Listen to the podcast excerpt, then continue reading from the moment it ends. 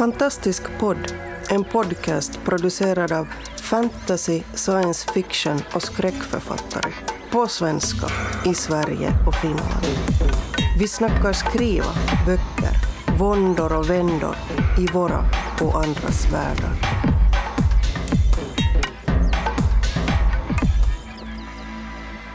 Hej och välkomna till Fantastisk podd. Det här ska ju egentligen vara Malmögruppens vecka, men på grund av omständigheter i verkligheten som författare, det vill säga deadlines, så har större delen av Malmögruppen varit tvungen till att backa ur. Istället har vi fått sällskap av, vi, i det här fallet jag, Nena Ormes, fått sällskap av två stycken andra fantastiska poddare. Jag har med mig Oskar Kjellner. Och Anders Björklid. På telefon är absolut bästa radiostil. Ja. Vi tänkte att vi skulle ta oss an skrivandets allra minsta byggsten och prata om ord idag. Anders. Ja, eh, jag tänker att eh, det, det, är intressant. Vi, man pratar ofta som man pratar om, om skrivande så är det som först kommer upp givetvis när man pratar med andra är det här med idéer, de liksom stora övergripande sakerna. Var får du dina idéer ifrån? Hur får jag idéer? Och sen det andra som man pratar oftast om är, är handlingen och karaktärerna och sånt. Men, men, när man sitter där och skriver eh, på riktigt eh, och har, har, kommit över de där första faserna, då är det ju ofta så att, att eh, det man stöter på är ord hela vägen. Om man inte har någon sorts piktogram eller någonting sånt. Men, men eh, i övrigt så, så eh, det är ju, de, det, är ju det vi, vi måste jobba med på något sätt. Så för, frågan är egentligen hur, hur gör vi Eh, när vi skriver och när vi stöter på val? Eh, jo, vissa ord är, är givna men många gånger så måste vi ju välja en väg någonstans. Och hur, hur står, hur, när vi står inför det valet, vad, vad gör vi? Ska vi börja med dig Oskar? Ja, men visst, alltså när, när jag skriver, när jag väl sitter ner och skriver en ny text på en ny berättelse eller så eh, det funkar liksom så här på något sätt att jag hör texten inne i huvudet och den flödar fram ut i fingrarna och så kommer orden ut i Word. och det är ju, det är ju smidigt, eller hur? och, och, det, och det är liksom en, en halvt medveten, halvt omedveten process där där texten blir till. Eh, man talar ibland om att man befinner sig i zonen och det mm. är liksom där man, man placerar sig och så, och så bara kör man. Och det innebär också att när jag väl skriver så är jag inte så himla petig eller talat med ord. För mig personligen är det viktigare med att jag hittar ett bra flöde i meningar, att jag hittar en slags melodi i satser, att, att det känns skönt att skriva då när jag skriver men det blir skönt att läsa. Nästan som ett ljudvärde, som om du skriver musik fast med orden. Ja, nej men precis, precis. Det, det, det är, mm. som, det är som musik, det är som toner. Det, för mig så blir det snarare att, ett sätt att försöka hitta harmonin och hålla har, de harmoniska tongångarna hela vägen ut. Sen är det självklart så att ibland så hakar man upp sig och liksom undrar, okej okay, vad ska jag ha för ord här nu då? Men eh, Alltså när jag skriver första gången så är det aldrig där som jag bestämmer mig för vad jag ska ha därför att det ord jag hittar just då kan lika gärna vara ett bra som ett dåligt ord. Mm. Utan jag hugger någonting och sen kör jag. Därför att eh, jag vet av erfarenhet att om jag börjar pilla där då tappar jag flödet och då, kommer jag ur zonen och då förlorar jag hela den här pushen framåt. Så det, för mig i alla fall är det viktigt att bara få ut någonting. Mitt val av rätt ord, det gör jag senare i redigeringen när jag går igenom eh, andra varvet. Då är du en utpräglad flödesskrivare på något sätt? Ja, absolut. absolut. Hur är det med dig Nene, är det samma? Nej, gud nej. Eh, större delen av tiden så är att skriva som att dra tänder för min del. det låter ja. inte så jätteangenämt. Ja, nej, mm. nej det är inte det.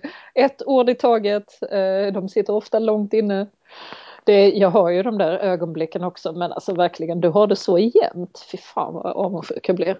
Ja, men alltså då blir det ju en väldigt rough draft, att det blir en väldigt rå version av texten och den är ju inte så mm. himla lysande direkt utan det kräver ganska mycket puts. Men ja, jo alltså första när man väl liksom bara vill få ur sig det, ja.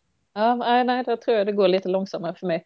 Eh, och om det är som musik för dig så är det lite mer som att måla för min del. Mm. Att jag försöker hitta rätt, rätt ord för att beskriva precis den där. Jag kan ofta haka upp mig på att jag ska försöka hitta ett ord som har rätt konnotationer. Alltså inte bara betyder rätt sak utan att det den, det ordet anspelar på eller ger för associationer ska också vara rätt för bilden.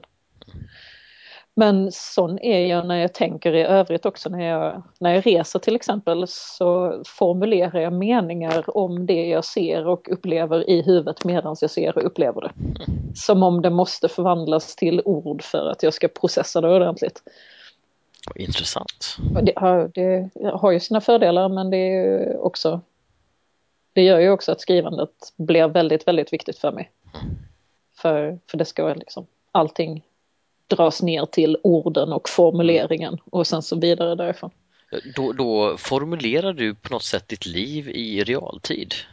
Ja, ja jag inser ju precis hur sjukt det låter. Men, eh, det, men vadå? det är ju fascinerande, det är inte, inte sjukt, det, är jätte, jag tycker, det låter jättespännande. Jo, men jag kan nog stanna upp precis när som helst och så har jag en färdig beskrivning av hur saker känns och smakar och luktar och ser ut och eh, stämningen jag vill komma åt samtidigt. Mm. Men, men då måste du vara ganska tidig med orden. Eller kan, kan liksom en berättelse vara klar före orden? Nej. Nej, orden måste Nej. komma tidigt i processen. Ja, ja, men definitivt. För om jag inte har rätt, det är ju hela vägen ner till om jag inte har rätt namn på min karaktär kan jag inte skriva. Mm. Då, då finns de inte. Eh, Med uh, Udda i, uh, i Udda-böckerna så existerade hon inte förrän hon hade sitt namn. Jag har försökt skriva henne under andra namn tidigare och hon var ju bara en pappersfigur för mig. Funkade inte alls. Vad intressant. Jag bytte precis faktiskt eh, namn på en hudkaraktär och jag är en bra bit in nu i redigeringen på det här manuset. Hur känns det? Det kändes, ja, det kändes bra därför att det nya namnet tycker jag blev ännu bättre och träffade ännu mer i prick vem den här karaktären är. För min del är det som golem och ordet på pannan. Det är, Mm. det är en Mm. snygg lerfigur upp tills dess men den lever inte förrän den har rätt ord. Så. Och suddar ut det, då faller den ihop. Ja, Spännande. Eh, hur Det vore, det vore ju jättebra om jag hade någon syntes av Ja, inte det hur gör du då? Ja, men det är nästan så att jag har det.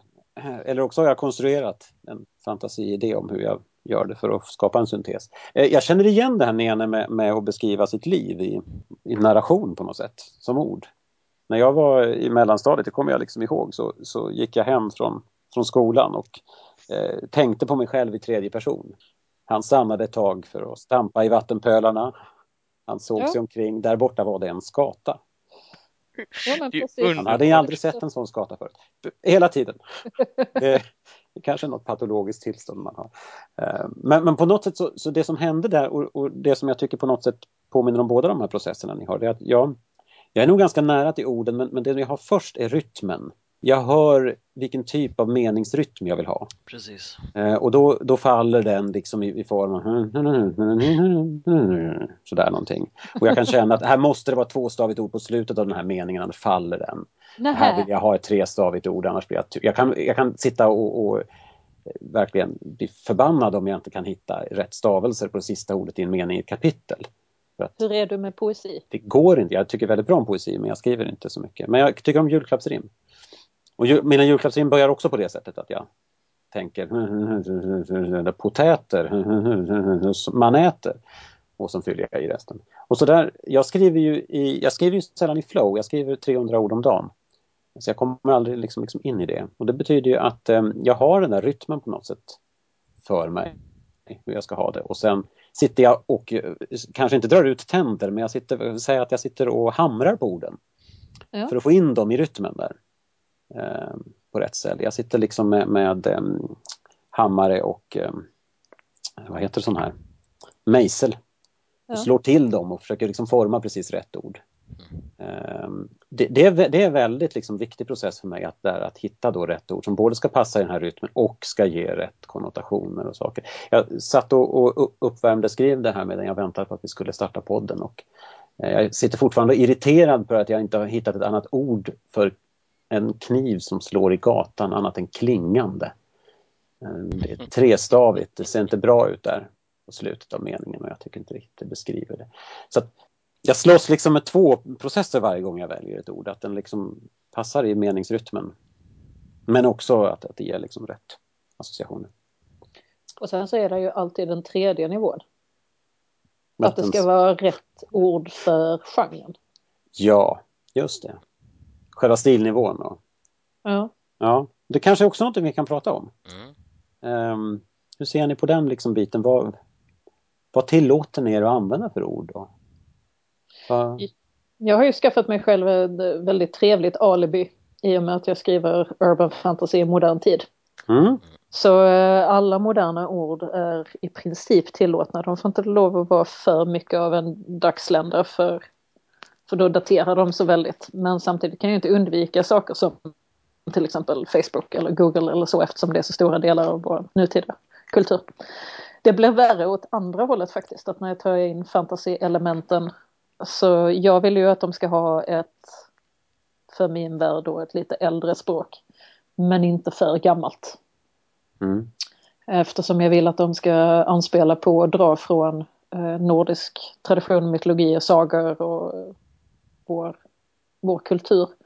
Men jag vill ju inte att de ska vara plockade från 1600-talet utan att ha förändrats de också. För... Det är inte så många som vill läsa 1600-tals svenska idag heller.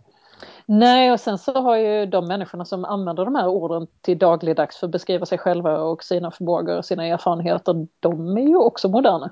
Mm. Även om de lever i en, i en sidokultur så är de ju inte borttagna från våran. Så det är snarare det jag bråkar med. Att jag vill att det ska funka för fantasy-världsbiten i min värld och ändå inte vara för gammalt.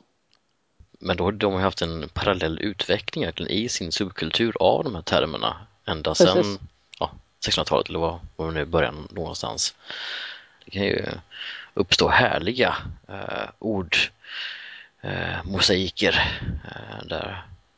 Och ibland blir det bara konstigt.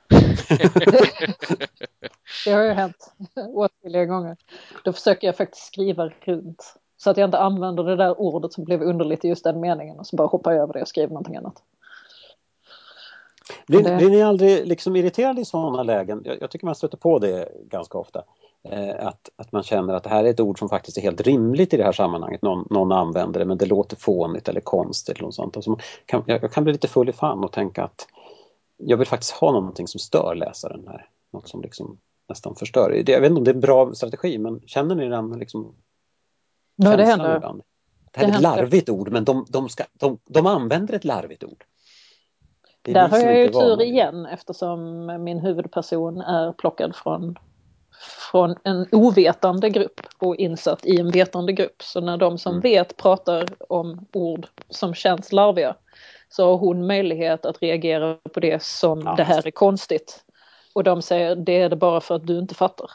Och mm. så är det färdigt. Mm. För min del, jag har ju det här eh, jag skriver en fantasy-serie som utspelar sig för 200 år sedan i Sverige. Eh, så det innebär ju att de är egentligen 1800-talsmänniskor.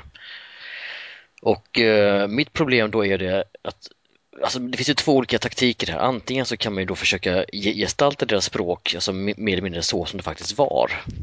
Eller också kan man försöka, eftersom det här är en bok som ska läsas idag av eh, människor i vår tid, ska man försöka ska vi göra, göra en slags transkribering av deras språk in i en aningen mer modern stil. Och av de två olika alternativen så har jag valt det senare. Mm. Det innebär inte att jag, att, jag, att jag struntar i alla anakronismer, för det gör jag inte. Jag har rensat ut en del ord. Till exempel har jag inte med ordet okej, okay. för det kändes ganska eh, dumt att ha med det eftersom det ordet typ uppfanns hundra år senare. Ja, men väldigt tydlig tidsmarkör. Men det finns en del andra ord som jag tror också är bra mycket senare, men som jag ändå har med. Och jag vet, jag har haft någon enstaka läsare som typ har klagat och tycker att men det här är ju anakronistiskt. Mm. Fast jag ser snarare deras dialog och deras språk som, eh, som en översättning av vad de kanske egentligen sa in i vår tid för att det då ska liksom vara mer begripligt för läsare idag. Därför ärligt talat, om de talade svenska på riktigt så som man pratade svenska liksom 1809. Till en början mest tror jag inte att jag skulle kunna skriva det, för det andra vet jag inte om det skulle bli speciellt eh, lättläst för folk som vill eh, läsa böckerna. Ja, fullständigt ointressant att göra det åt det hållet tycker jag. Mm. Man ville ju åt stämningen av den tiden, inte göra tidsdokument. Nej men precis, precis. Så där, därför gör mig inte så jättemycket om, om allting inte är så här, historiskt perfekt eller korrekt. Eh, det får vara. Huvudsak för mig är att det är, eh, som du säger, att man hittar stämningen, man hittar eh, den historiska platsen och kan måla upp en bild av livet på den tiden. Sen så skriver jag också science fiction och där så eh, försöker man ibland beskriva ny teknologi och det kan ju vara, alltså det är mycket nanobottar och nanotrådar och artificiella intelligenser och kryokammare och jag vet inte vad. och jag vet när du och jag hade någon gång ett samtal om huruvida en flygande farkost borde heta luftbil eller svävare.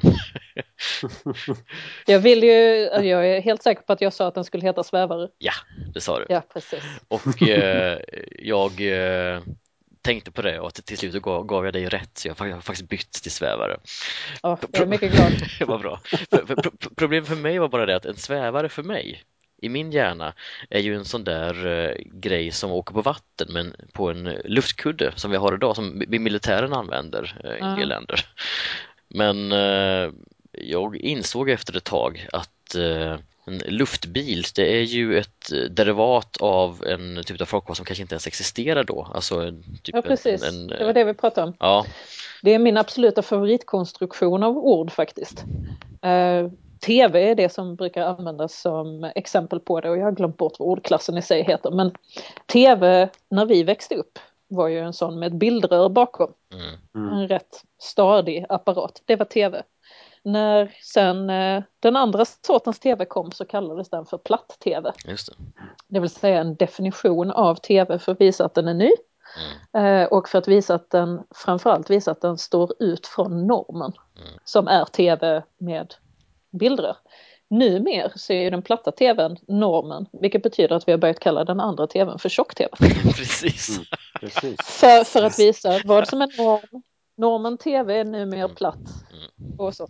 Vilket ju gjorde att luftbil visar att normen bil är den som inte går i luften. Så då fick man avgöra hur långt fram. Och har man då haft flygande luftfarkoster i några hundra år så är det totalt orimligt att den ska heta luftbil.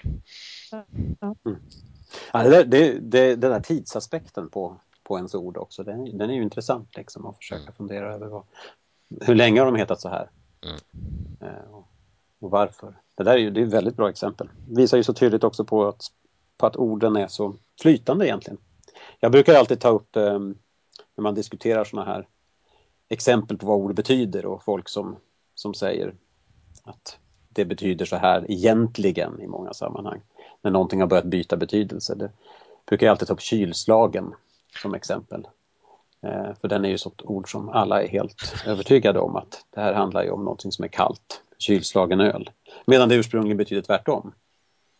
Kylslagen, kylslagen betyder att kylan har slagit sig. Från okay. början alltså. Eh, det vill säga att den har, har ljumnat och, och stått fram i värmen lite för länge. Mm. Men, det, men, det, men det går ju inte att använda det på det sättet idag. Det finns ju ingen... Det, det, betyder ju inte det längre. Precis. Så vad ett ord egentligen betyder är ju egentligen irrelevant. Totalt. Utan det viktiga är ju vad betyder det just nu och, och hur många är det som tycker att det betyder det. Och, vad vill jag säga? Jag menar, alltså, vi, vi, är ju förändliga varelser och vi lever i en förändlig värld och vårt språk mm. uh, fungerar precis likadant, såklart. Vad annars? Mm.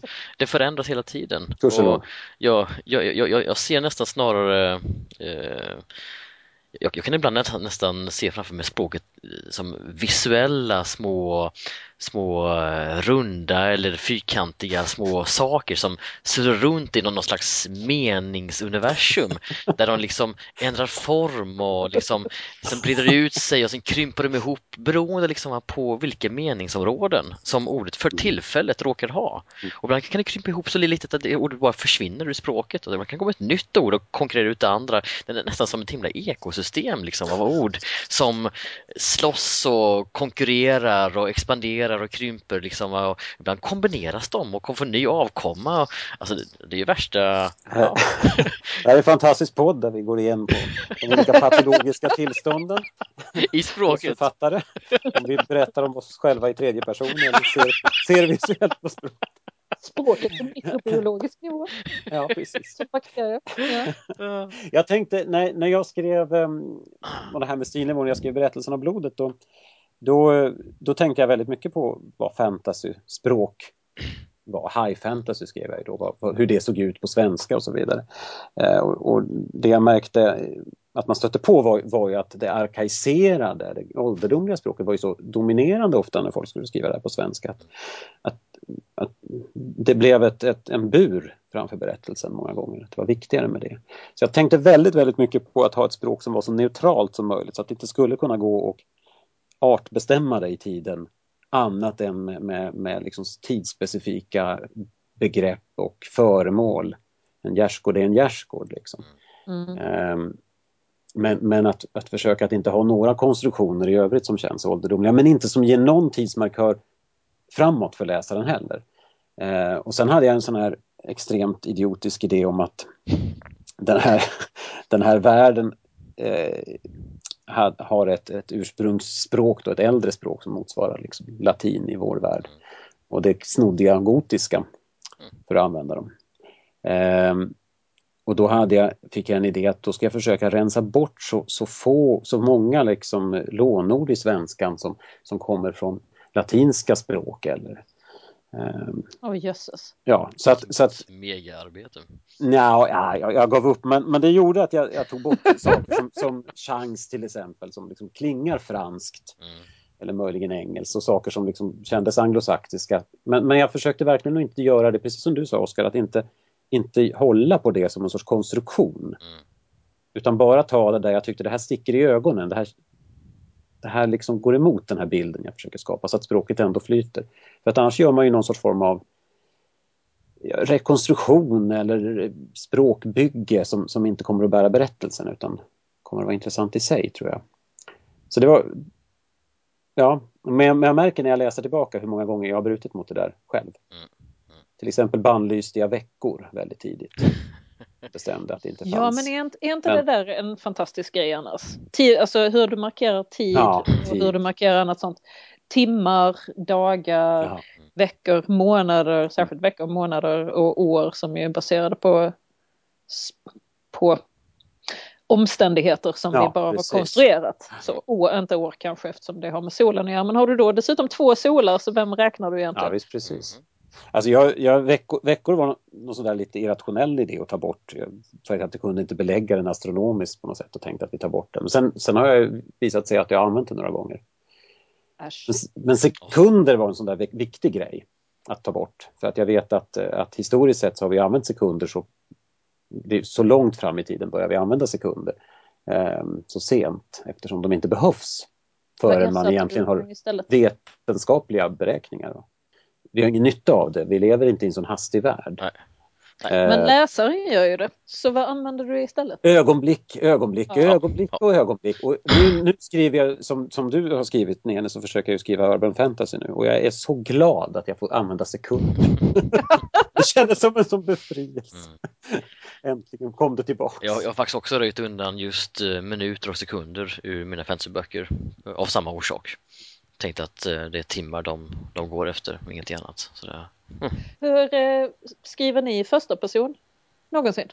Mm. I noveller gör jag det, men eh, inte i de större eh, böckerna. För där har man ju den andra... Ursäkta, vad sa du Anders? 1500 sidor första person, berättelsen om blod. Mm. Ja, du skiftar första person där också. Skiftar första personer. Först börjar jag med ett vi som första person. Just det. Ja. Sen delar jag upp på två Sen har jag vissa små inslag där det inte är det, men, men annars är det första person. Jag kommer finns... ihåg viet men jag minns inte att du delade på dem. Ja, för där har man ju den här andra sköna lagret av mm. att välja ord med vilken person det är som säger eller tänker det. Mm. Uh, och i första person så är det ju alla begrepp och alla ord ska ju helst vara det som din karaktär tänker, inte det som författaren lägger i mun mm. på dem. Jag tycker det är så kul att bryta mot det. Och gå in som berättare och, och förstöra den saken. Det gjorde jag ofta eh, när jag skrev det. Men jag hade en orsak till det. Jag hade en orsak att, att hela, hela berättelsen om blodet är berättat i första person men det är en person som skriver ner det. Okay. Eh, som själv lägger till saker. Men då har du en konstruktion för det? Mm. Jag har en konstruktion för det, precis. Jag har en, en idé. Det är inte men... så att du bryter formen utan du har skapat en form som passar din berättelse. Jag kan väl säga att det är en efterkonstruktion för att jag tycker så mycket om att pilla på. Alltså, alltså det där är väldigt svårt att få riktigt rätt. Jag har försökt några gånger. Uh, I en novell jag skrivit där uh, där jaget i fråga är en person som vaknar upp utan minnen och utan någonting så är de första meningarna väldigt, väldigt korta och väldigt, väldigt abrupta. De är nästan bara säga, upplevelsemeningar som liksom nästan i realtid registrerar vad det är som händer. Eh, mm. Och sen så ju, ju mer den här personen utvecklas och fylls på som karaktär, ju längre och mer utbroderade blir också meningarna. Eh, jag fick faktiskt kritik för det en gång. Jag tyckte, konstigt, det var jättejobbiga meningar i början men sen, sen blev det bättre. Ja, jo. Jag, jag hade en tanke med det, förstår du. Ja, ja. Jag läste en fantastisk bok i eh, förra året, eller om det var förra, som heter Hild av Nicola Griffith. Som eh, handlar om, en, om ett människoliv, ett människoöde och eh, huvudpersonen hennes ord och sätt att prata om sig själv förändras hela tiden efterhand som hon flyttar mellan olika platser och lär sig nya, nya ord och nya språk och nya saker. Det var mycket, mycket snyggt gjort. Jag, jag älskar sånt. Det, det finns ju många som stör sig extremt mycket på det men jag blir väldigt jag blir väldigt kär i sådana böcker. Alltså jag tycker ja, det är så grymt imponerande. Det där tycker jag är ytterligare en nivå av eh, konstart, alltså när det kommer till eh, skrivarteknik. Att eh, kunna förmedla eh, sådana skiftningar i karaktären, bara i berättarrösten och vilka ord man väljer. Ja, jag tycker det är imponerande. Jag kommer att tänka på Alan Moores roman, ni vet Alan Moore, seriemanusförfattaren. Ja, just det. Han skrev The, The Killing Joke, va? Ja, precis, bland annat. Watchmen Eh, Voice of the Fire skrev han en roman som heter som utspelar sig i hans hemstad i Northampton. Eller? Eh, som, som går från stenåldern fram tills idag och språket, varje kapitel är en ny tidsålder och språket utvecklas och successivt. Mm. Men inte bara språket utan liksom begreppsvärlden och vad man kan se och vad man förstår. Och, det första stenålderskapitlet är helt bisarrt för att inte nog med att det är ett väldigt avskalat språk, har väldigt få begrepp. Själva liksom abstraktionsnivån är, väldigt speciell. Mm. För de här människorna verkar ha svårt att göra skillnad på, på saker som vi gör skillnad på. Mm. Det, det, är på något sätt att försöka skildra ett annat synsätt. Eh, och det, jag, jag, jag blir väldigt förtjust när det är språk man går vilse i. Känner att man är, man är på en annan plats rent, rent språkligt, inte bara... Den beskrivs inte bara utan man har liksom svårt att se platsen genom rastret av språket. Man kan ju inte läsa särskilt långt på det sättet men... Eh, ja men det är som sagt jag tycker det är imponerande och fantastiskt när man kan göra det, göra det rätt. Vi, vi närmar oss någonting där annat också som, som eh, jag tänkte också vore kul att, att fundera på. Det är egenkonstruerade, när, när orden inte räcker till. De som redan finns och när vi behöver nya ord. Hur, hur gör ni i det läget? Hur ser ni på det? Hur våndas ni över det? Att skapa nya ord? Ska vi, Nene mm. först, eller? Ja, jag, hade, jag har ett exempel som jag brukar använda när det kommer till det här. Eh, eftersom inte alla mina sära karaktärer, de med extra förmågor, är tagna från, från sagor och mytologi, utan jag hittar ju på förmågor också som jag har lust att ta med. Eh, och så ska de kallas någonting och så har jag en karaktär som heter Imona som kan eh, röra sig mellan olika tidslager Och hennes förmåga var tvungen till att ha ett namn kände jag för att kunna beskriva henne. Och det tog mig jättelång tid att komma dit för att jag försökte lista ut vad, vad som skulle vara lämpligt att kalla henne, vad som skulle vara gammalt nog, vad som skulle ligga skönt i munnen, vad som skulle beskriva hennes förmåga, vad som skulle funka för henne som person och för andra med hennes förmåga. Hon började faktiskt som en stigfinnare tidigt, mm. för jag tycker det är ett sådär, mm. någon som leder vägen genom tiden kändes helt rimligt så. Mm. Kunde man ha stannat? Mm. Ja fast det funkar ju verkligen inte. Men, som en liten scout. Ja. Det, det, går, det gick inte. Och jag har, när jag tänkte på tid och hur tidsförflyttningen funkar så var det ju inte en snitslad bana genom skogen på platt mark som jag tänkte på heller. Utan det, det var helt annat och tid för mig i den världen är flera olika lager som man kan sjunka igenom lite grann som att man sjunker igenom olika tempererade lager av vatten. Mm när man, när man simmar i havet eller mm. liknande. Så då ville jag ha en vattenterm istället och någon som leder skepp är ju en lots. Mm. Vilket ju också betyder att lotsa någon har vi använt i överförd betydelse till att man kan lotsa folk genom allt möjligt. Mm. Mm. Så, eh, så blev det lots. Mm. Bra val. Det väcker ja, jag är liksom väldigt mer... nöjd. Ja. det väcker mer tankar också. Mindre jägare också. Mera... Ja, mer, eh, mer ledande mm. än, äh, än jagande. Nej, det, det kändes helt rätt på så många olika nivåer och som du säger Anders, jag är inte säker på om andra hade tänkt på det särskilt mycket. Men för mig gjorde det enorm mm. skillnad. Oskar? Alltså jag har ju en del egenkonstruerade ord både i min fantasy och i min science fiction. Men älvor och alver har ju sina egna språk. Uh, nu är jag ingen Tolkien så jag sitter inte liksom och verkligen utarbetar de här språken i detalj utan jag har bara liksom några, några glosor och jag, jag snor dem lite halvt, halvt sådär från, från grekiska som jag sen förvrider en aning. Uh, därför att, ja, jag ska inte dra hela min världshistoria här nu men, uh, men det, det finns uh, historiska kopplingar mellan den fornnordiska och den grekiska mytologin.